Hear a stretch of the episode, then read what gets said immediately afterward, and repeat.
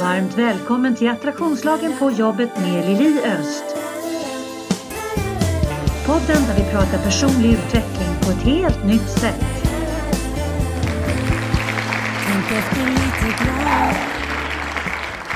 Varmt välkommen till Attraktionslagen på jobbet. Idag så kör jag via Zoom och jag har den stora glädjen att ha Johanna Nilsson som gäst i podden idag. Varmt välkommen Johanna! Och varmt tack! Så roligt att jag får vara med. Ja men det är superhärligt. Och det är så mysigt att göra det via Zoom för då kan man sitta och titta på varandra. Det var bara det att helt plötsligt så kunde varken din eller min uppkoppling vara stabil. Så att nu får vi sitta och titta på en bild på varandra. Men vi fick i alla fall en uppstart där vi var live och det känns väldigt skönt. Ja, jag håller med. Det, det funkar väl fint det här också. Ja, allt går utom maskar och små barn men de tar sig fram ändå. Du driver ju företaget Pausera och det här tycker jag är så spännande för du är ju verkligen, you're on to something om man säger så. Att ta sig tiden att liksom koppla ner, koppla av, stanna upp, reflektera. Ju fortare vårt samhälle går, desto viktigare är det ju att faktiskt ta pausen på allvar. Ja, vad, vad väl du beskriver det. Verkligen. Jag håller med och um, precis, samhället går snabbt för många mm. av oss. Mm. Och vi, upplevelsen av farten och tempot runt omkring oss och inom hos oss själva är ju också, det är lätt att, att känna att det går allt snabbare också. Att vi, mm. vi kan behöva vara rädda om oss och ibland bromsa in och stanna upp på vårt egna sätt. Så det är fantastiskt att få möta människor på många olika sätt och prata pauser, återhämtning, reflektion. Det är det jag brukar beskriva som de stora klustren som vi rör oss mellan. Ja. Och jag, jag, jobbar ju precis som du som coach, för du är ju utbildad coach. Och du jobbar både som coach och föreläsare och du jobbar både mot privatpersoner och företag. Har jag, har jag rätt i det? Ja, men det stämmer bra. Det mm. gör jag. Mm, mm. Ja, det är precis som jag. Och, och, och vad jag upplever när jag coachar både i företag och privatpersoner, det är ju just att det är väldigt många människor som inte övar på reflektion. Utan när mm. de tänker efter, alltså när de, när de tänker, då är det mer krishantering, eller eh, osäkerhet eller att man ältar oro. Eller, alltså det är klart att tankarna finns men den, den, strukturerade reflektionen är inte lika många människor som övar på som att öva på att måla fan på väggen i förskott eller oroa sig i förskott eller vad det nu kan vara för någonting. Håller du med om det? Jo, men det gör jag. Och vad, vad intressant hur du beskriver det där med att, att öva på även andra saker som kanske är mindre bra och hjälpsamma. Mm, mm. Med fan på väggen och så. Och jag tänker att vi pratar nog, många av oss tror jag, pratar mycket, använder liksom pratar och använder talet mycket. Men frågan är vad vi pratar om och hur vi framförallt prata med oss själv. Mm. Och, och, ibland tror jag att det kan bli lite sådär papegojlikt i mm. den bemärkelsen att vi, vi stannar kvar i samma tankemönster utan att kanske märka det själv.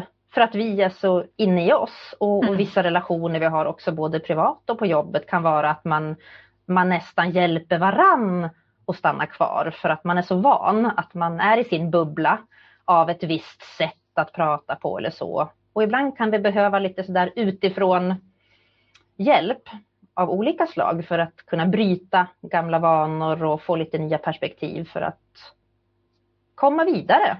Mm. Jo, men det är rätt intressant det här för att med tanke på att hjärnan har ju som uppgift att, att, äh, att spara energi och att vara kvar i samma tankemönster, känslomönster och beteendemönster, det tar ju minst energi. Vilket gör att vi behöver ju alltid vara mycket mer motiverade än, än våran kropp, eller våra kroppsliga funktioner är, är smarta. Och då pratar vi evolution, liksom. det är evolutionära eh, styrmedel som vi har internt inne i oss själva. Så vi behöver ju alltid vara mycket mer motiverade och vi är, alltså, vi är dessutom lite Eh, förändringsrädda, många av oss. Och framförallt när folk börjar proklamera att de ska göra förändring, för då, då är det ju väldigt många som håller ner den här personen för att man vet hur viktig man är eh, som det ser ut nu i den här personens liv eller i ens positionering eller vad det nu kan vara för någonting. Men om, om det ska börja bli helt plötsligt massa förändringar då har man ju ingen aning om hur viktig man kommer vara i den nya kontexten. Och då är det mycket enklare att hålla ner förändringen eller liksom försöka backa, backa bakåt för att eh, hänga som en, en, eh, som en broms i förändringen. Det är också rätt intressant det här för att det, det blir ju också väldigt energitagande. Ja, visst kan det vara så. Verkligen, och det märks att du, du har jobbat med sånt här länge och att du verkligen är i det själv också. Det är så fantastiskt att höra hur du beskriver att, att man kanske mer eller mindre medvetet, tänker jag. Det är ju inte mm. alltid man förstår själv som om vi säger mer sådär privata relationer som anhörig eller jobbrelationer när man är kollegor eller vad man än har för relation. Det är kanske mm. inte alltid man själv förstår att man nästan göder en annan människas beteende eller, mm. eller fastna. Eller sitt eget. Eller att man mm. tillsammans skapar energitapp. Så. Um, så, så det tänker jag också kan vara bra att kanske skilja lite grann på att hur, hur medvetet är det? Um, och um, att, att hitta olika perspektiv kring det där och prata både med sig själv. Ofta har vi ju egna små filurer inom oss som vi kan snacka med för att förstå oss själva och verkligen ta på allvar de här olika, jag vet inte hur det är för dig och och, men det är så olika där vart man har dem, man sitter på axeln eller vart man är, de där mm. inre rösterna eller filurerna. Men också att såklart prata med varandra, att prata om hur man pratar med varandra, att mm. byta lite grann nivå och våga, våga skrapa lite grann på beteenden och mönster och, och samtidigt vara snäll med sig själv, tänker jag. Det är någonting jag upplever att även kring återhämtning och reflektion är det så lätt att vilja prestera. Mm. Det märker jag hos många och att det blir nästan grejen att nu jädrar ska det reflekteras och då är det den här metoden och på det här sättet och fasen att jag inte fick till det i morse. Ja. Nu får jag skärpa till mig och så blir det en börda och energitapp istället. Behöver ni lyfta energin, lyfta blicken och byta mindset? Kontakta mig på lili.liliost.se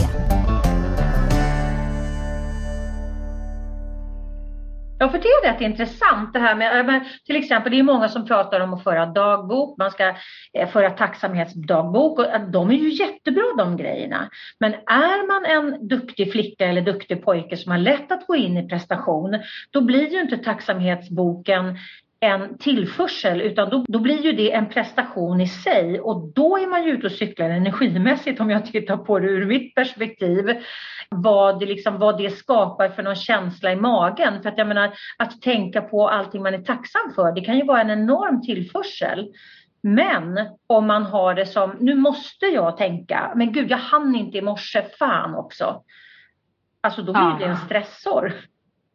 Precis, och det där är ett så bra exempel. Just det där med tacksamhetsdagbok till exempel på morgonen eller att varje dag ska man skriva ner minst tre saker.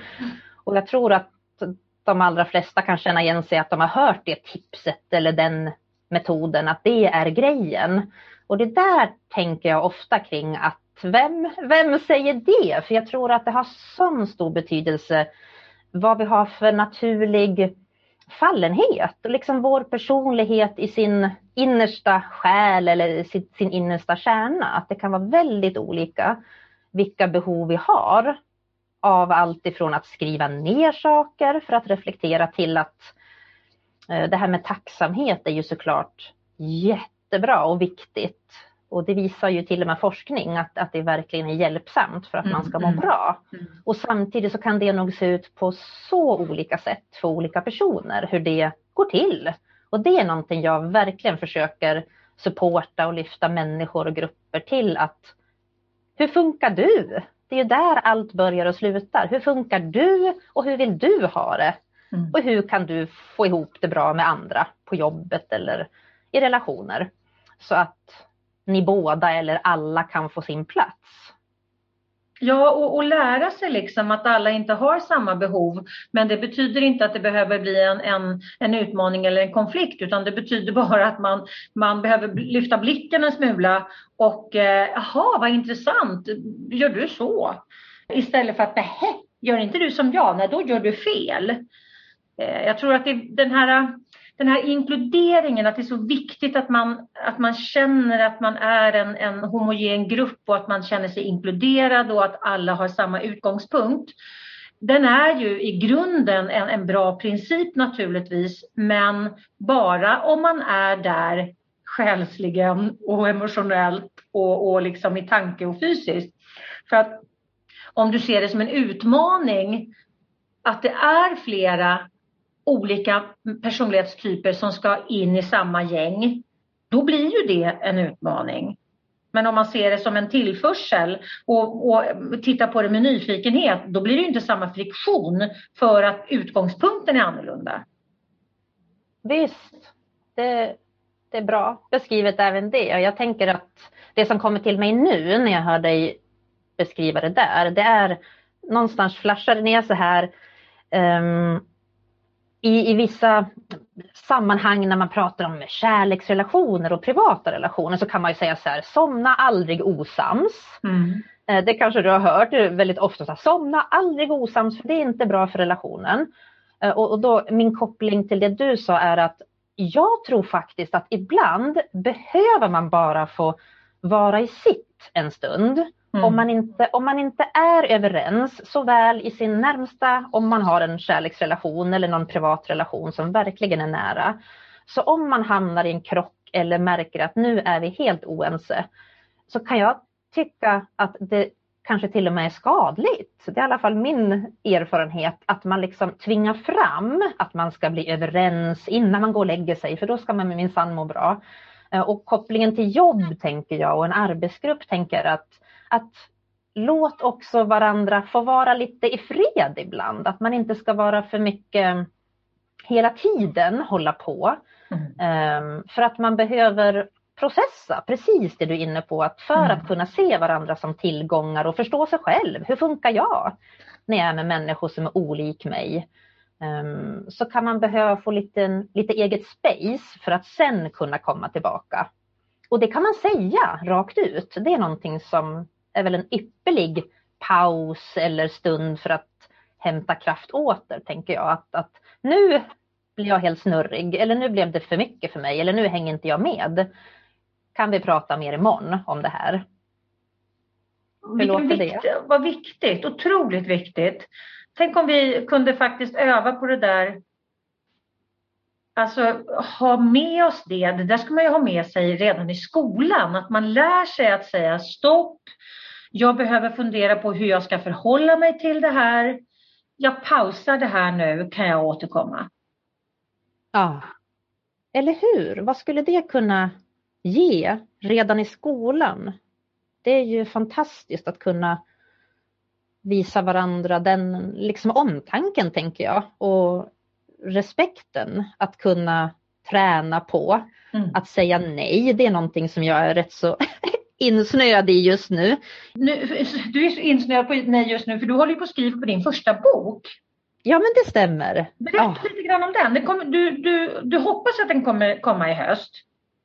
Precis, jag är precis i uppstarten på att skriva min första bok. Så det är så spännande och den har ju växt fram under alla år jag har jobbat med människor i förändring och varit i många sådär kluriga, trassliga sammanhang mm. med att stötta och försöka motivera och, och leda människor framåt. Och eh, det här med att, att förstå sig på sig själv och kopplat till skolan tänkte jag när man var yngre men också i vuxen ålder när man lär sig saker. Att så här, hur funkar jag mm. när det väl kommer till kritan? Rätt så sådär hands-on och praktiskt. Hur funkar jag i olika situationer? Man behöver inte krångla till det tänker jag när man ska förstå sig på sig själv heller. Men också hur, när har jag fått nog? När säger jag ifrån? Eller när skulle jag vilja säga ifrån? Och varför då? Så att våga, våga ta den platsen och kanske hitta någon slags så här att vart, om, om jag vore, bara hitta på en metafor, om jag vore ett hus eh, och min, så har jag en tomt och så har jag ett staket. Hur nära huset är staketet? Vart mm. går gränsen för min tomt? I den metaforen, det är någonting som både jag själv har funderat mycket på under många år och försökt träna på. Det är väl en livslång grej det där med att våga sätta gränser. Och det är ju verkligen i stort och litet. Och att mm. kanske inte alltid ens förklara mig eller de jag möter och stöttar som föreläsare eller coach. Att bara så här, jag vill inte just nu. Mm. Kanske imorgon, vem vet? Så. Eh, så det är en del utav kärnan i den boken som mm. jag håller på och skriver och som många, många tampas med tror jag. Vad tror du? Absolut.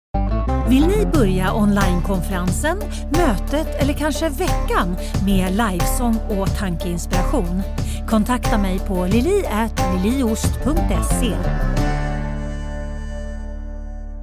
Jag gjorde en, en, en övning, en föreläsning för, för uh, några år sedan just det här med att folk inte vet var de egna gränserna går. Och då fick jag folk att ställa, det var, eh, det var, definitivt före corona så kan vi säga, för att jag tvingade folk att stå väldigt nära varandra. Eh, men jag ställde folk som inte kände varandra. De fick ställa sig så nära som det fysiskt, fysiskt gick att stå mot varandra, alltså ansikte mot ansikte. Dock en väldigt, väldigt, väldigt kort stund eftersom det är ju verkligen ett intrång i, i liksom, eh, innanför metern. Men jag ville att de skulle känna av det och så bad jag dem att nu vill jag att ni ställer er, nu vill jag att ni skapar det avståndet ni vill ha mellan er så att båda två känner att det känns okej. Okay. Den här ja. gränsen var väldigt, väldigt tydlig. Den här integritetsgränsen, den fysiska integritetsgränsen var väldigt, väldigt tydlig. Men den gränsen som vi ska sätta liksom för hur mycket vi orkar med, vad vi accepterar, hur folk får prata med oss, hur vi pratar med oss själva och så vidare.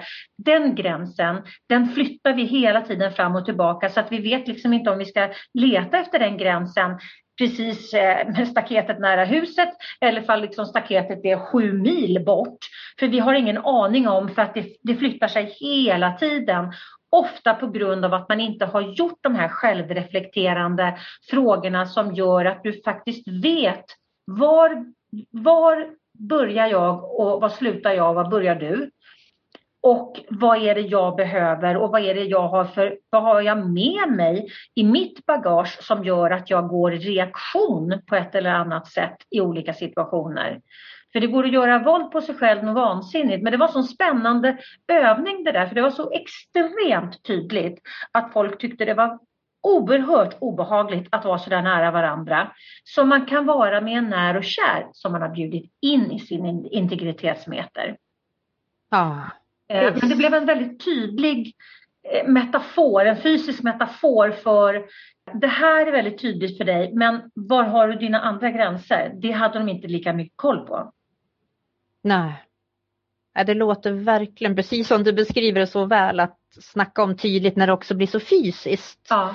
Uh, och det, sen går det in i varandra där med det fysiska och den kanske mer mentala uh, gränssättningen och kanske till och med in i själen för de som tror på det. Tänker mm. jag, att mm. när man verkligen känner på djupet att det är någonting, jag vet inte vad det är, mm. som känns antingen lustfyllt. Det kan ju vara åt, åt båda hållen i det tänker jag. Vissa är ju nästan gränslösa, vissa mm. människor och det kanske vi alla har känt av någon gång mer eller mindre att vi, eh, vi ger oss hän helt. Mm. Um, och, och, då tänker jag inte alls, det behöver inte vara något, något fysiskt inblandat i det utan det kan ju vara att, att man delar med sig av saker som man i efterhand märker att oj, nu känner jag att jag lämnade ut mig själv för mycket. Ja, eller nu lovade jag för mycket eller nu eh, blev jag övertalad eller så. Um, och det kan kännas jättebra precis där och då för att bekräftelsen kanske är enorm från både en själv och från andra.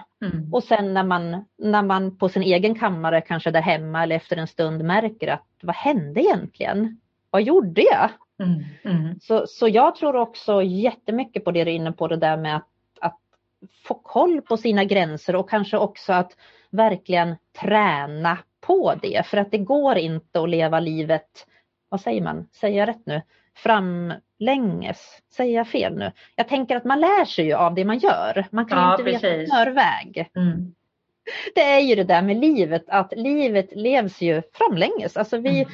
vi tar oss framåt på något sätt. Sen behöver det ju inte handla om att det ska vara karriär och på det sättet utan kanske mer att, att vilket liv vill jag leva som mm. människa? Ja. Och hur väljer jag då att göra i mitt arbetsliv och hur blir det då utanför jobbet? Och att learning by doing-grejen, den är ju genial. Absolut. Om man verkligen anammar det. Den, den, den, lever jag efter hela tiden kan jag säga. Ja, oh, det gör det. Men vad skulle du säga är det bästa med det? Jo men alltså det bästa med det är ju att jag är orädd att ge mig in i nya situationer för att jag är så tillitsfull till att jag lär mig det jag behöver lära mig along the way. Så att det bästa med det är ju att jag vågar ge mig in i situationer som jag inte har full koll på. För att jag tänker att jag kommer lära mig det här under vägens gång. En, en del gånger får jag lära mig saker väldigt fort och andra gånger får jag liksom öva en längre tid. Men, men eh, det bästa med det tänker jag ändå är att i grund och botten har jag en enorm tillit till att jag faktiskt kan lära mig saker och därför klara mig i, och liksom i massa olika situationer. Det handlar ju om ah. en, en, själv, en självkänsla eh, att, jag, att jag vågar ha tillit till att, att eh, kunskapen kommer komma till mig. Mm.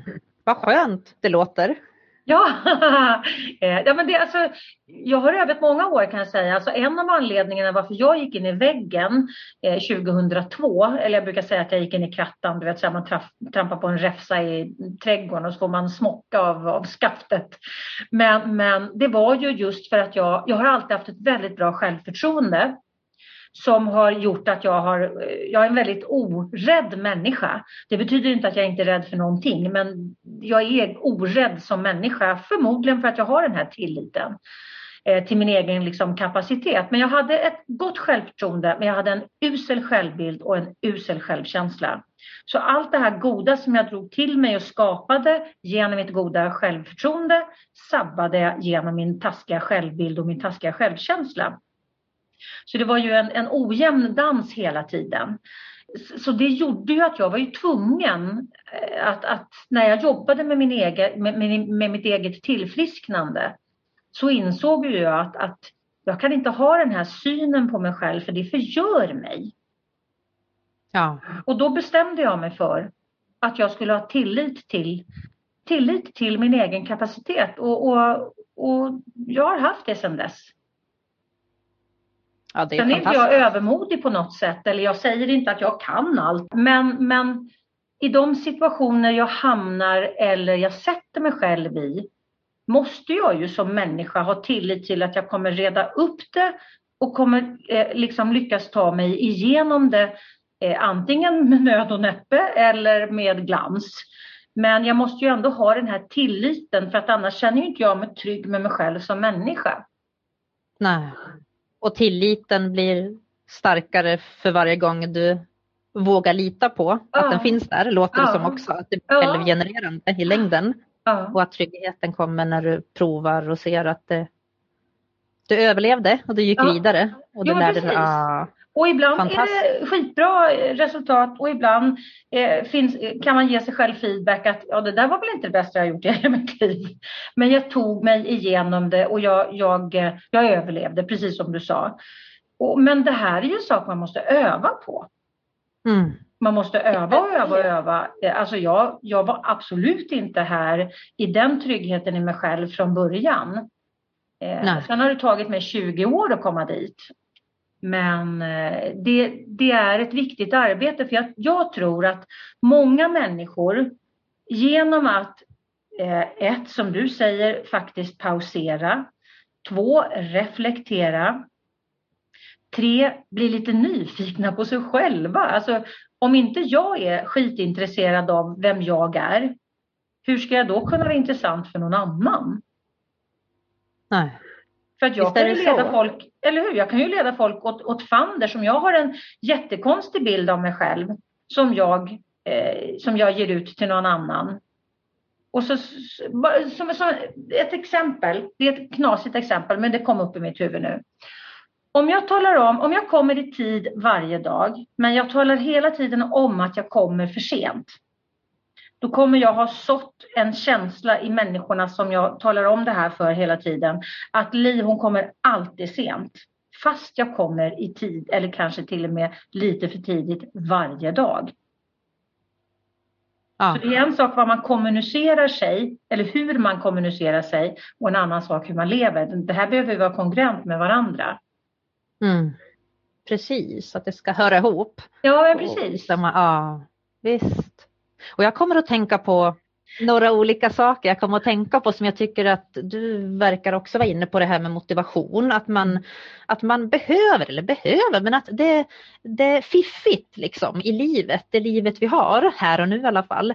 Att vara nyfiken på sig själv. Och där mm. kan det vara bra att ha lite beslutsförmåga som det låter som att du hade. Att där någon gång långt tillbaka i tiden så bestämde du dig för att nu litar jag på mig själv och jag mm. provar och ser och lär mig och blir trygg när jag går framåt i livet. Mm. Eh, och ehm, just det här både med, med den viljan ehm, som både du verkar ha gott om och som du tränar på men också att känna sig nu, nu är jag redo, nu gör jag det här. Mm. Och också tilliten, de, de tre, vilja, att känna sig redo och tilltron till sig själv. Det är faktiskt någonting som jag jobbar en hel del med att um, supporta människor kring att eh, liksom kalibrera och mm. justera hos sig själv. Eh, så att prata om tillsammans med andra och med sig själv att hur mycket vilja känner jag just nu? Ja, precis. Till att ta mig för saker eller att ta en paus för att jag behöver. Och vara ärlig med det. Att nej men jag har inte så stor vilja just nu. Jag känner mig inte alls redo. Men jag skulle behöva återhämta mig hur mycket som helst. Det mm. där kan ju krocka inom sig själv. Ja. Så att, att få koll på hur tillfreds är, är man med, med sin egen tillit. Det kan också vara hjälpsamt och kanske få lite koll på att nej men jag är en fyra just nu på en skala 1 till 10 tillfreds. Men för mig är det riktigt bra därför att jag var nere på en etta innan pandemin och nu har någonting hänt. Jag har fått mer egen tid. Mm. Uh, och då är det lättare att lita på mig själv. Mm. Det, det, är ju en korrelation mellan eh, självreflektion och självtillit. Ja. Men som sagt, inte som jag sa förut att man självreflektion med liksom eh, utgångspunkten att man inte är nog, att man inte eh, att man tar ut oro förskott och så vidare utan, utan självreflektion vad är jag och vad har jag för behov och hur tillgodoser jag de behoven? Hur kan jag hjälpa mig själv att vara liksom i, mitt, i, i min styrka? Ja, visst.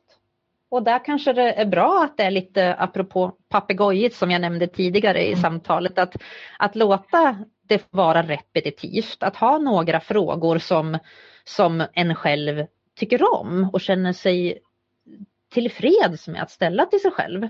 Och du mm. nämner några och det finns säkert andra människor som kanske har andra varianter av frågor som, som man alltid känner sig trygg med att, um, att ha med sig. Mm. Um, och att um, Precis, och att inte kanske heller, det här är också någonting som jag jobbar mycket med, att, att heller inte bli för tung i reflektionen. Utan att faktiskt tillåta sig ibland att vara lite mer på tå och lite lätt i sinnet och lätt i energin när vi reflekterar så att det inte blir det här djupaste, vem är jag, varför gör jag som jag gör? Nej men precis. Så, så att, att också våga och träna på, det tror jag kanske vi människor kan behöva extra mycket nu när vi har haft ganska mycket omvälvande perioder med pandemin och, och mm allt som har kommit därtill för många av oss. Att, att våga och tillåta oss att få vara lite sådär lätt i sinnet och reflektera och återhämta oss på andra sätt. Och kanske lite nya sätt, tänker jag. Du lyssnar på Attraktionslagen på jobbet. Podden som utmanar gamla sanningar och inspirerar till nya tankegångar. Det är, en, det är en superviktig iakttagelse tänker jag. För att om jag tittar på det ur mitt energiperspektiv, jag pratar ju mycket attraktionslagen naturligtvis, den här podden heter ju attraktionslagen på jobbet. Och eh, eh, attraktionslagen funkar lika, attraherar lika. Man kan kort säga att det vi kastar ljuset på, det växer. Och om vi hela tiden tänker, och jag kan, jag kan tänka, det här det har jag inget belägg för att säga, men jag, jag, nu sitter jag och som Hasse, våran underbara Hasse Karlsson brukar säga, jag sitter och killgissar. Eh, det låter bättre när han säger det som han är kille. men eh, jag gissar ändå liksom. Då kan jag tänka mig så här att man de, de flesta som inte jobbar medvetet med personlig utveckling för att de tänker att nej men det är sånt här eh, hjärnmangel och det är bara, man ska bara grotta ner sig och man ska bara gå ner i liksom alla, all, all skit från när man var barn och gud, alltså det är fortfarande många som liksom tror att det är det det handlar om. Och då blir det ju väldigt tungt. Men man kan ju lika väl titta på personlig utveckling som att bli intresserad av vad har jag för reaktioner och varför har jag dem tro? Eh, eller vad är det jag gör som är så bra, som ger mig så bra eh, resultat hela tiden kontra de sakerna som jag gör när jag inte får bra resultat. För att som jag brukar säga att, att vi har Alltså det fokuset, det förhållningssättet, det fokuset, de förväntningar vi har gällande de saker som alltid funkar eller nästan alltid funkar i vårt liv, som känns lättsamma och liksom eh, no issues. Hur vi fokuserar gällande dem kontra hur vi fokuserar gällande de sakerna som inte är lika enkla och inte lika lätta och inte vi har samma flow i. Tittar vi på vårt fokus på de två infallsvinklarna så är det extremt olika. Ja. Eh, vilket betyder att det är så viktigt att reflektera så ofta vi kan över de sakerna där vi har vinnande koncept. För att vi ska bli medvetna om vad är det jag gör när jag gör så att det blir så här bra som jag vill ha det. För att om det helt plötsligt inte blir som vi vill ha det, om inte vi reflekterar över hur vi gör när vi gör så att det blir så bra, eh, då vet vi inte hur vi ska komma tillbaka dit.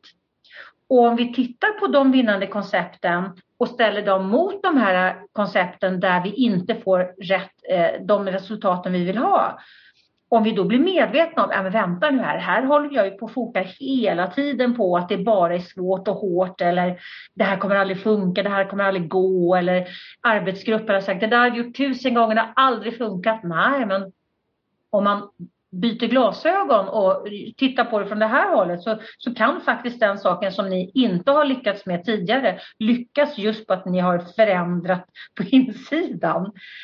Eh, och det här är så intressant att titta på, tänker jag, att om man tittar på reflektion ur ett lustperspektiv, då blir ju det en tillförsel. Mm.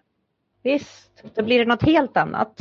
Ja. Och att, och att kanske våga ställa sig frågan, en av mina favoritfrågor som en ny coach eh, i mitt nätverk som heter Marika ställde till mig här månaden som jag bara älskar eh, som är vad är det bästa som kan hända?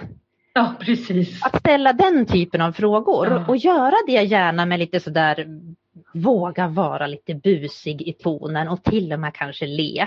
Mm. Det är okej, okay. vi får göra det tänker jag, det är tillåtet.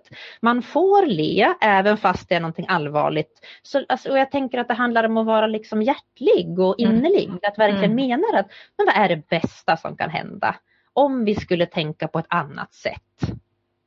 Och sen också våga lita på att tystnaden som kan få plats om jag sen faktiskt är tyst. Så att de andra får ta ansvar eller respondera eller vara tyst en stund. Mm. Där händer det mycket tänker jag. Så det, och det kan det kan väcka lust. Apropå lust som du beskriver så, så tydligt hur viktigt det är att, att um, leta sig till den känslan av energi och kanske lite mer lätthet. Till och med när det är saker som är större och kanske lite svårare så är det mm. okej okay att vara nyfiken och att kanske också göra det. Kan vi prova? Kan vi prova idag och göra på ett annat sätt? Och imorgon lovar jag att vi pratar om det igen. Till exempel på jobbet. Mm. Om det är någonting som, som är nära till att göra en förändring till. Imorgon tar vi en avstämning och stämmer av igen hur vi gör då. Just den kopplingen, den var vi inne lite på tidigare nu i samtalet också. Att, mm. att när man säger nej till exempel, att eh, ja, just nu vill jag inte prata mer om det här för att jag pallar inte eller jag vill helt enkelt inte. Vi kan prata imorgon igen. Att man har någon koppling till när i tiden man kan stämma av eller så. Ja, det visar ju respekt både för en själv och för den andra tänker jag. Ja, eller hur? Och då har man mm. någonting att hålla sig i lite grann. Mm, då kanske mm. det kan vara lättare för de andra som är lite mer främmande för en ny idé att faktiskt ge en chans. Okej, okay, ja men en dag kan jag väl bjuda till på att göra den här arbetsuppgiften på ett annat sätt eller ha det här mötet på ett nytt sätt utifrån en ny agenda. Eh, så länge vi stämmer av det igen så att jag får vara med och tycka till hur det blev. Mm. Ofta är det ju det vi kan, vi kan sakna när vi är motsträviga upplever jag. Att människor behöver få känna sig sedda och bekräftade och att man får vara med. Mm. Och det där, är, det där är liksom note to self överhuvudtaget för att var, var jag befinner mig kontra de jag har framför mig eller var jag befinner mig kontra mina arbetskamrater eller jag kontra min partner eller vad det kan vara för någonting. Vi utgår ju oftast ifrån oss själva och, och vi själva, om det är vi själva som har kommit med en idé, då är vi ju redan, då har vi ju redan liksom gått igenom den här idén och, och vänt och vridit på den och smakat på den och accepterat den och tyckt att det är en bra idé innan vi lägger ut den på remiss så att säga. Och, och, där kan jag tänka att det är många som, som eh, att det är lätt att bli otålig när inte folk är med på tåget i samma hastighet som man själv brakar på liksom. Ja, eller hur? Eller hur? Jag tror att både vi, att vi är lika varandra du och jag och säkert många andra också det här med att, att det kan gå snabbt och att vi när vi väl vet något eller bestämmer oss för något då, då vill vi köra på för då vet vi ju. Och, och, vill så gärna få med oss andra också. Men där kan det ju hända grejer såklart när man har olika behov av att fundera och, och liksom processa. Vad innebär det här för mig? Hur ska det gå till? Eh, till exempel. Men en sak som jag också tänker på nu när vi pratar är, är det här med att träna på att det här med känslor och sinnestillstånd och hur det blir när vi vågar stå upp för oss själva och när vi vågar möta andra kanske också när det är lite utmanande. Att, att heller inte kanske värdera det som känns för mycket utan att prova och se, jaha, oj då, nu blev jag helt darrig. Hur känns det att vara darrig? Mm. Och sen bara, ja men det är väl inte konstigt att jag blir darrig för det här är första gången jag säger ifrån eller det här är första gången jag vågar vara tyst. För det är ju skitjobbigt. Um, och att försöka liksom lite grann, kanske inte släta ut, men lite grann neutralisera att glädje och hoppa och skutta och när det går bra att det bara är positivt och att känslor som är lite mer tyngre och när det är lite mer nervöst att det skulle vara någonting dåligt. Det tycker jag verkar vara väldigt hjälpsamt för många av dem jag möter att lite kanske det har att göra med det här att inte ta sig själv på för stort allvar men såklart med stor respekt för att, att det kan vara svåra saker man bär med sig. Man ska ju mm. såklart ta, ta det man känner på allvar och samtidigt ibland när man märker att nej men det här är ett mönster som har liksom fastnat hos mig. Det är inget fysiskt hot, det är ingenting egentligen som skulle kunna hända mer än att det är väldigt ovant och väldigt läskigt att våga säga ifrån. Otroligt viktiga reflektioner tycker jag för att, att våga att våga ge det tid och att våga ge sig själv alltså ta bort värderingen ifrån känslan. Negativa känslor är farliga, positiva känslor är tillåtna. Ja. Alltså om jag ska leva mitt liv, om jag tittar på det ur ett energiperspektiv, som jag alltid bollar tillbaka till, så handlar det ju hela tiden egentligen om, alltså om man, om man tittar på positiv psykologi, det finns ju hur mycket forskning som helst som säger att, att positiva tankar gör oss gladare och friskare. Men det är ju inte hela tiden så att om vi är i en negativ situation så blir vi friskare om vi tänker positivt. Nej, vi, vi blir friskare om vi släpper motståndet. Och ibland mm. kan det ju vara motstånd att liksom vara asprutthurtig när man känner sig jätteledsen. Då är det mindre motstånd att gråta. Eh, och inte vara rädd för att gråta när man behöver gråta eh, och försöka tvinga sig att vara glad och prutthurtig fast man känner att man håller på att gå sönder inuti. Sen, sen är det bra att man kanske jag brukar jobba med eh, cylindrar, att man lägger ner saker i cylindrar så att inte allting har full sändningstid hela tiden för då blir man ju helt dränerad. Men om man tittar på att det ska handla om minsta motstånd, då är det ju, då är det ju en helt annan infallsvinkel man tittar på sina känslor med. Vad är minsta motståndet nu? Jo, jag är skitförbannad på Kalle och jag har lust att drämma en stekpanna i huvudet på honom då kan inte jag sitta och mysprata med Kalle för det är ett jättemotstånd i mig. Ja, visst. Så att vara, vara ärlig med att, ja. att, nu är det så här, det är det här som händer med mig just ja. nu. Uh, och, och, jag behöver kanske lite egen tid eller jag behöver få ta i med kroppen, kanske ut och träna för att mm. liksom kunna slappna av eller jag behöver något annat. Mm, att, mm. att, vara mån om sig själv. Och jag tänker, en annan sak som kom till mig också nu när, vi, när du beskriver och vi pratar om det här är att ofta upplever jag att det kan hjälpa att lite grann det här med som att skala av en lök eller vad man nu än kan ha för metafor att, att ställa sig själv eller varandra frågan, är det något mer med det här som känns mm. eller som händer eller som du säger? Det här kan man, den här frågan kan man använda i så många olika sammanhang. Just är det något mer med det? Till exempel att kunna tänka inom sig själv, säga till sig själv när man sitter där och nästan kokar eh, i ett samtal för att man är så arg eller mår så dåligt när man pratar med någon. Att är det något mer med den känslan just nu? Vad kan den höra ihop med? Den tycker jag brukar vara förlösande. Sen kanske inte den där samtalet när man sitter och kokar och är arg är är så enkelt ändå, men att bara tillåta sig att tänka i ett större perspektiv eller ett annat perspektiv kring vad mer handlar det om? Mm.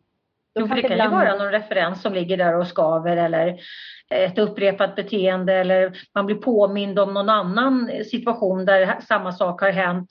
Eh, alltså, ofta är det ju liksom, får vi starka reaktioner på någonting som vi kanske får en överreaktion om vi tänker efter, då är det ju oftast något mer. Men att bara ställa sig den frågan är ju genialiskt, det är ju skitbra. Ja men visst är det fint och jag tänker oavsett så är det väl egentligen med alla frågor vi ställer till oss själva och varandra oavsett om vi är coacher eller inte tänker jag utan som människor och kanske arbetskollegor också att, mm.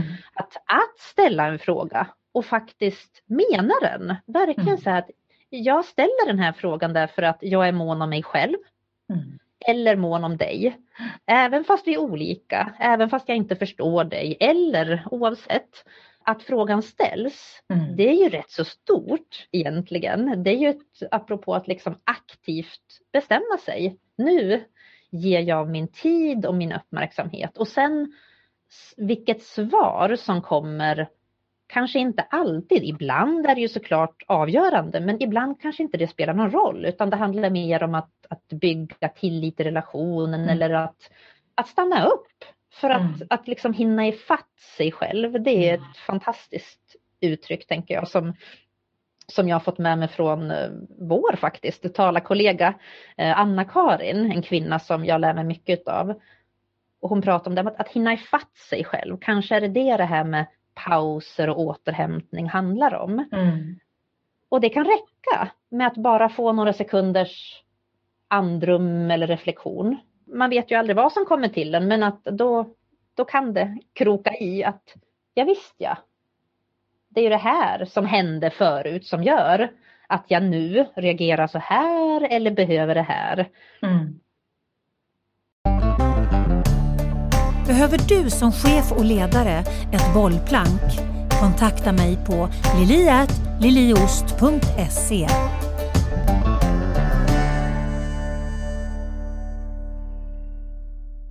Det här med att räkna till tio innan man ska reagera om man, om man blir förbannad. Den, den, är ju faktiskt, den är inte så dum generellt tänker jag. Om vi skulle ge oss själva möjligheten att räkna till tio lite oftare innan vi liksom, innan vi svarar upp mot den, den andra eh, eller svarar upp mot situationen överhuvudtaget. Att räkna till tio och ge sig den här respiten. Ja, Istället för att leva, leva i reaktion liksom. Precis, jättebra förslag och, och reflektion. Att räkna till tio och just så enkelt, det är ju väldigt enkelt. De flesta kan räkna till tio eh, och det är väldigt tydligt och avgränsat och tar inte så lång tid. Nej. Jag, jag har en annan favorit som hjälper mig. Ja, jag tror jag aldrig har varit med om att den här lilla varianten på paus och stanna upp har varit sämre för mig när jag gjort det och det är att helt enkelt lägga mig raklång på golvet. Det är en favorit som aldrig slutar vara favorit för mig. Att bara, kanske på en yogamatta, men gärna på ett lite svalare, gärna ett hårt underlag som såklart är någorlunda fräscht och rent. Mm. Men att bara lägga mig raklång. Eh, och ligga där liksom och vänta in oh. tills jag landar. Det kan räcka med några minuter ibland. Mm och göra det så avskalat och rent som möjligt. Och jag tänker att det där med räkna till tio är ju också ett exempel på att, att snabbt kunna gå in i någonting som man knappt behöver tänka på när man gör, men mm. som ändå kan göra sån skillnad. Mm, mm. Alltså min kropp den längtar efter att lägga sig raklång på golvet nu när du pratar om det. det, det här, alltså jag har aldrig funderat på det på det sättet. Eh, när jag har varit på yoga eller body balance eller någonting sånt där, då avslutar man ju alltid med att lägga sig raklång på golvet och eh, liksom bara låta fötter och, och, armar bara falla ut åt sidan och så ligger man ju bara och ligger. Gör ingenting, ja. man ligger bara och andas. Och när du pratar om det, då känner jag verkligen vilket behov jag har helt plötsligt av att gå och lägga mig på golvet. Det, är rätt intressant. Ja, men det är rätt intressant för att nu har jag inte varit på, på, på träning på länge eftersom covid och så vidare. Men just den här grejen den slog han en sträng i mig. Jag blev förvånad. Jag var bara tvungen att liksom dela med mig eh, av min reaktion för jag hade ingen aning om att jag hade ett sånt behov av att lägga mig raklång på ett golv. Nej, men något hände. Ja, något som, hände. Som får dig att, att längta. Det låter ja. väl som grattis till det. Eller hur, tack snälla du. Ja. eller hur, ja men vad intressant. Tänk ja. hur det kan bli när vi lyssnar på någon annan eller tar in någonting. Att, ja Ja, och att kanske tänka på lite, lite annorlunda sätt mm. kring det här med att, att hämta kraft. För jag tänker också det här med att ligga raklång på golvet är ju, det är ju bra på många sätt tror jag och dels med tanke på att vi, många av oss i alla fall, sitter väldigt mycket. Mm. Eh, och det är lätt hänt att vi fastnar framför skärmen och speciellt nu när vi jobbar hemifrån många så är det ju också lätt hänt att man när man är i samma miljö, liksom, att man, man har inte de där vanliga rutinerna med kollegor och fika och mm. möten när man behöver gå iväg. Och just att byta kroppsposition, att ja. tänka så pass liksom back to basic, hur kan jag byta kroppsposition och lägga sig ner? Mm. Det, det är ju verkligen en jättefin investering. Och att då vänta in sig själv. Ja. De där första minuterna när det kanske känns konstigt eller, eller jobbigt till och med. För det tror jag att, apropå det här med mönster och vanor, mm. att vi behöver träna på att för att få till vanor som ger oss mer kraft på vårt egna sätt, oavsett hur andra säger eller gör, att vi behöver ta oss igenom några pucklar, de där övergångarna. Mm. De här första 20 gångerna eller vad man brukar säga, man behöver ta sig igenom någonting nytt. Att det kan kännas väldigt bakvänt. Mm. Och, att och sen känns det på, väldigt naturligt. Eller hur, precis. Och som du, du har ju beskrivit så väl hur det har varit för dig och det är säkert många som känner igen sig i det här med tilliten till att även om det är tufft just nu så vet jag att det här är hjälpsamt. Mm. Det kommer att gynna mig och det är av största omtanke som jag tar mig igenom några minuters snurr liksom. Mm, mm. När jag tar en paus. Eller reflekterar och funderar kring mig själv. För det är klart att det kräver sin aktivitet mm, mm. att vara självreflekterande. Mm. Och åh vad mycket, vad mycket det ger tillbaka. Ja, det gör ju verkligen det. Jag såg på, på din hemsida där har ju du någonting som, som jag gick igång på totalt. Och det är ju det här pausogrammet. Kan inte du berätta lite grann om det? För det handlar ju liksom någonstans om att är man inte så duktig själv på eller har man inte övat snarare så mycket själv på att, att ta sig de här reflektionspauserna så kan man ju faktiskt behöva hjälp. Och där tänkte jag att du har ju ett, ett excellent eh, eh, verktyg. Ja. ja, men vad glad jag blir att du hittat till pausogrammen och jag har ju till och med kanske världens skönaste butik, brukar jag kalla det för på nätet, pausbutiken.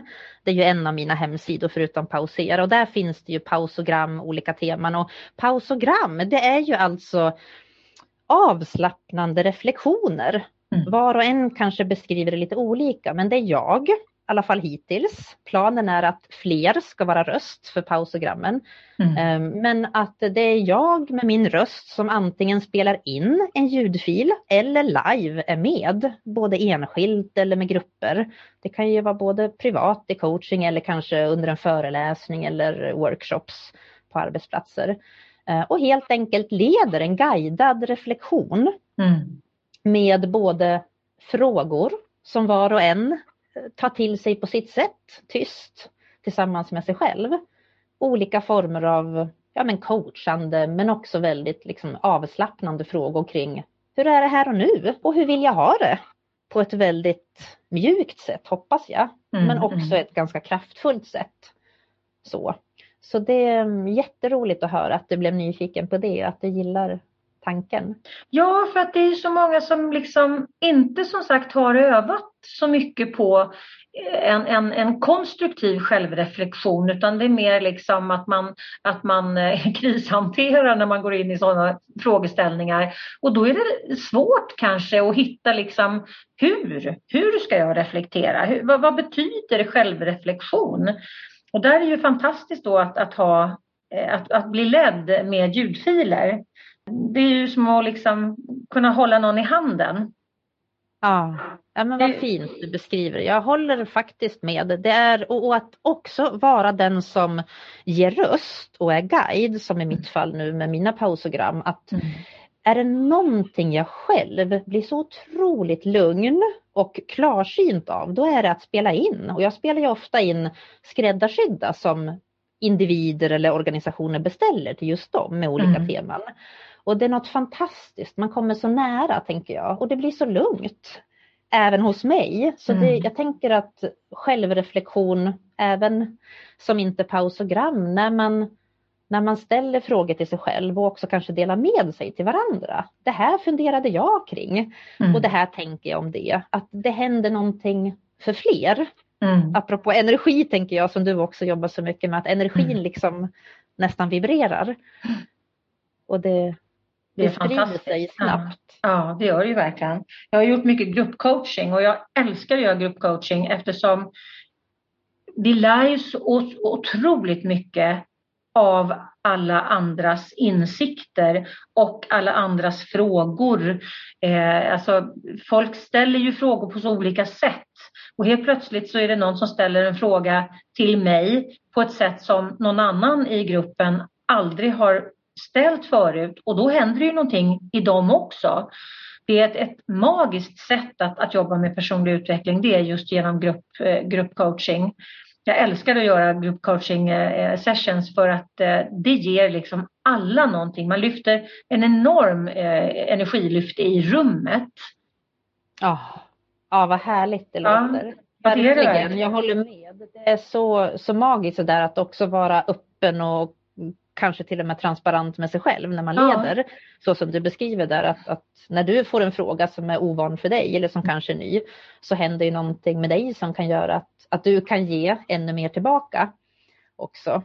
Kanske att spegla och, och lyfta de ja, som men precis. är Vi behöver alla vara liksom ödmjuka för att vi absolut inte är en done deal eller att vi är smartast i världen eller, eller att vi kan allting utan, utan om man hela tiden är nyfiken på att jag kan lära mig någonting av det här som jag kan ta med mig som gör att jag kan zooma ut och, och kunna tolka en större bild. Om man tittar på det ur ett, ur ett, eh, ett, ett företagsperspektiv till exempel, ett teamperspektiv. Om alla har den ödmjukheten mot varandra och också mot sig själva. Att, att känna liksom så här, inte sitta och tjuv, liksom, och så här, blåhålla i mina sanningar utan, utan att, uh, hmm, intressant, vänta nu här, om jag vänder på det och tittar på det från det hållet, det har jag aldrig gjort förut, vad intressant, vad, vad hände där liksom? Det, det skulle kunna göras så mycket mer med dialogen, tänker jag, i, i teamen och i relationer också för den delen. Att den här nyfikenheten att, att precis som du sa förut, den är också superbra. Det här med vi testar idag och så kan vi, ut, liksom, kan vi utvärdera imorgon. Om jag skulle testa på dina åsikter idag och så känna liksom vart leder de mig? Om jag ska ha den här åsikten, vart leder den mig då? Det är, det är en rätt rolig lek.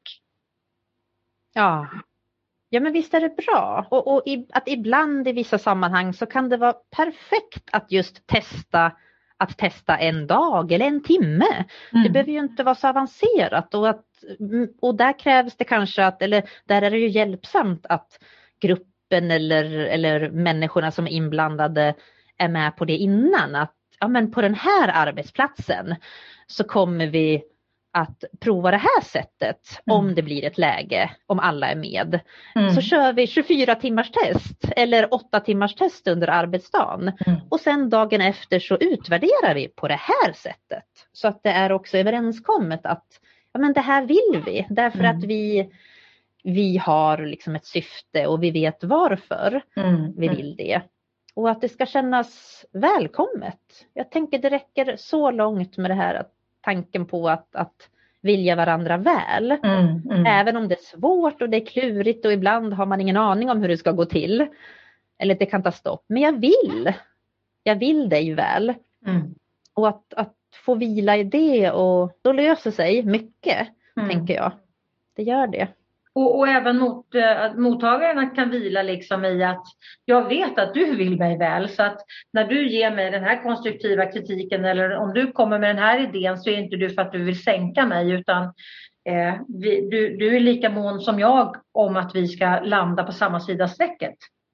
Ja, precis så. Att det kan vara lättare att släppa, ja ja, släppa garden och kanske ja, men, närmre till att bjuda mm. till. Mm, mm, Sen mm. tänker jag också, eh, inte minst tänker jag att ibland är det ju så att det kanske inte funkar i längden. Det, det, är ju rätt så vanligt att man som medarbetare byter arbetsplats därför att det var för långt ifrån mina mm. värderingar eller nu är jag nu är jag redo att gå vidare. Mm. Eh, eller i relationer privat såklart och att, och att det är också att även då vilja varandra väl. Att det inte behöver vara alltid liksom så dramatiskt. Att Nej. komma ihåg det, att det är en naturlig del i livet.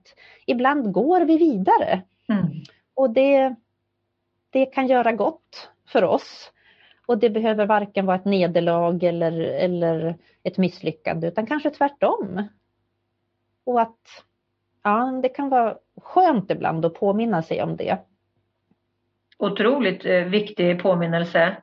För många gånger om man tittar på relationer så en, en relation som går i krasch det kan man ju ofta liksom ta med sig väldigt mycket negativt ifrån och framförallt just det här eh, känslan av misslyckande. Men det kanske är så liksom att nej men det är inte meningen att vi ska eh, det är inte meningen att alla ska följa med på hela resan. Eh, vissa människor ska komma in i vårt liv ett tag och sen så de passerar, eh, eller vi passerar någons liv ett tag. Och, och liksom, vad har jag lärt mig av den här personen? Vad var det för någonting jag skulle snappa upp i den här relationen? Det kanske var liksom själva uppbrottet som var min läxa. Eh, att man, liksom, att man blir lite nyfiken på, inte bara sådär... Eh, ibland... Nu, nu blev vi ju lite, lite filosofiska och djupa men, men, men eh, ibland så tror jag att det är bra att zooma ut och inte se sig så jävla mänsklig med vad, vad det innebär. Utan så, och som människa så är det det här och relationer ser ut så här, jobb ser ut så här eh, och så vidare att allting har så lagda regler. Men om man bara kan zooma ut och så bli lite nyfiken på, okej okay, om jag skulle förhålla mig lite annorlunda till de här grejerna, vad skulle jag se då? Ja. Den, den är lite kittlande tycker jag. Ja visst är den det. Och där tror jag, det, min erfarenhet är att många av dem, just jag skulle vilja säga alla, mång, väldigt många av dem jag har mött i olika sammanhang och det har varit alla möjliga eh, roller och branscher och sammanhang och sådär skeenden eh, har det där i sig. Jag tror det, jag tror det är det du menar det där att, att man, man hittar när man tar sig tid och kanske med hjälp av någon utifrån, eh, bollar tankar och reflekterar och stannar upp så vet man vad man skulle vilja prova. Mm. Även om det kan kännas lite, det kanske inte är förbjudet, men det kan kännas ovant eller konstigt eller sådär.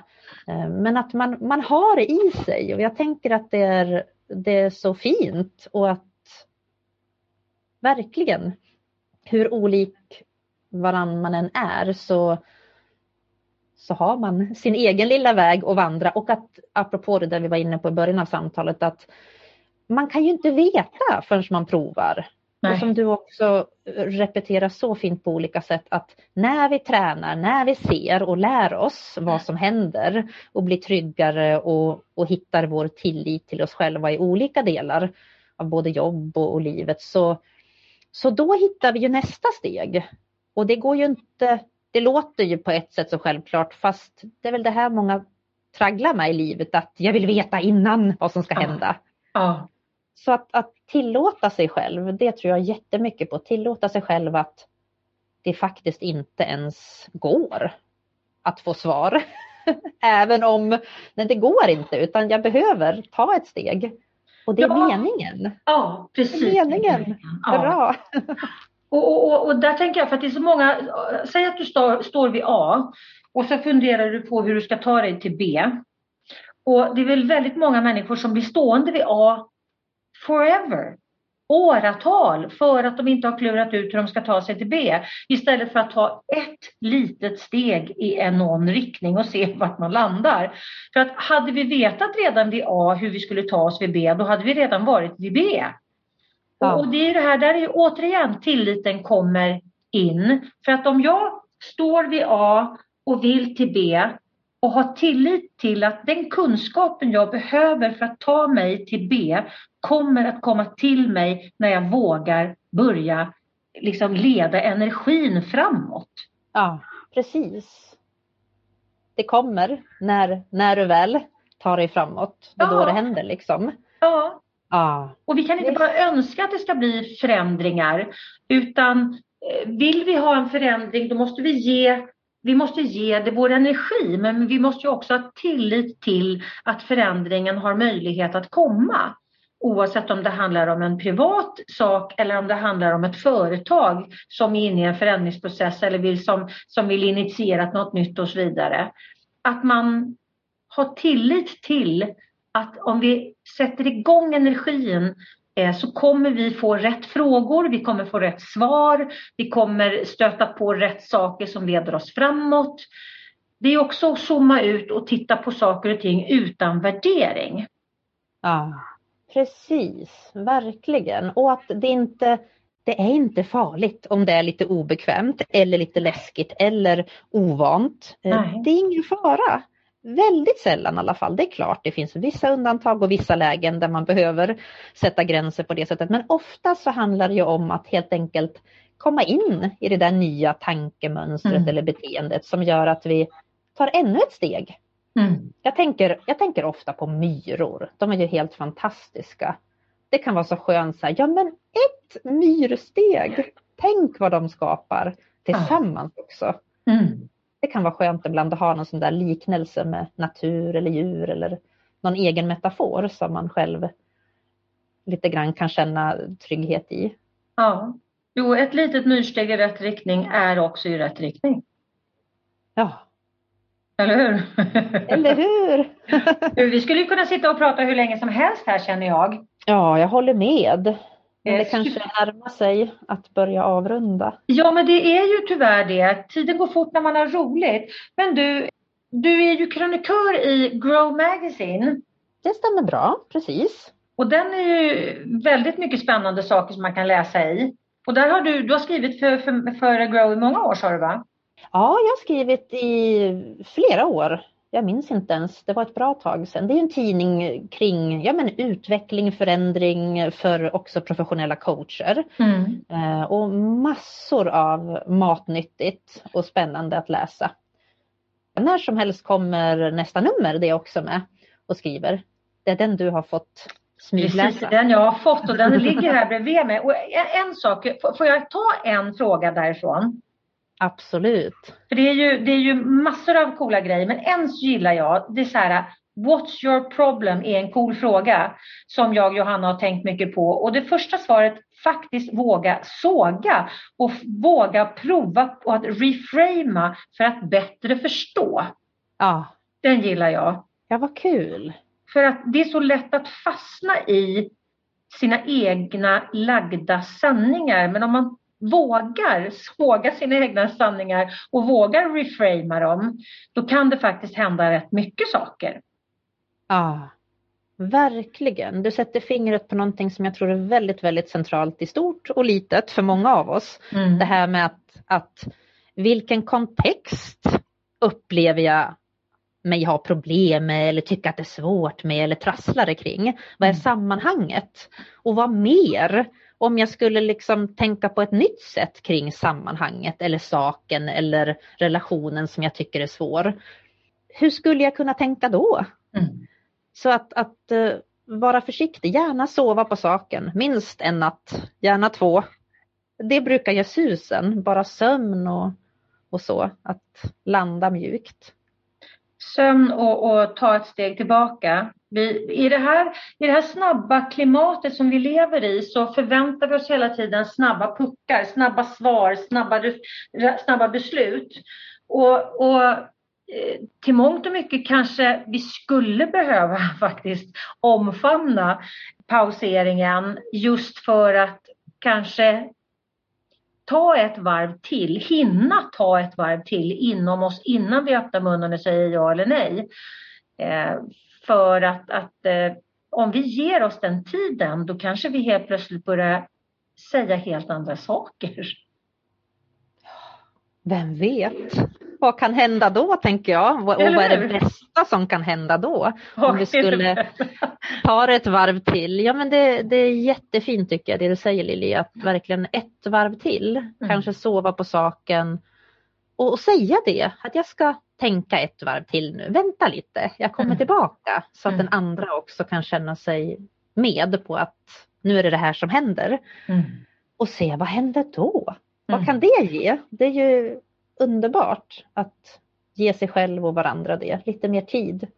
Det är jättehärligt. Det ska jag testa resten av den här veckan. Ska jag försöka hitta situationer där jag kan tänka så här, nej, nu ska inte jag ge ett snabbt svar utan jag ska sova på det här och känna efter och så ska jag ge ett svar imorgon istället. För jag är mästare på att liksom ge så här snabb återkoppling och säga ja snabbt och sådär. Men det är ju för att jag har den här eh, full fart framåt mentaliteten. Men den är inte alltid den är inte alltid till gagn, varken för mig eller för någon annan. Så att, eh, jag, ska ta, jag ska ta den till mig så ska jag, eh, så ska jag faktiskt eh, prova att reframa innan jag svarar. Ja men det glädjer mig. Och precis, prova, berätta gärna hur det går. Det brukar ja, också vara hjälpsamt att, att få återberätta för någon annan hur det går när man provar något nytt. Det låter ja, det ska, jättefint. Ja, Verkligen. det ska jag absolut göra.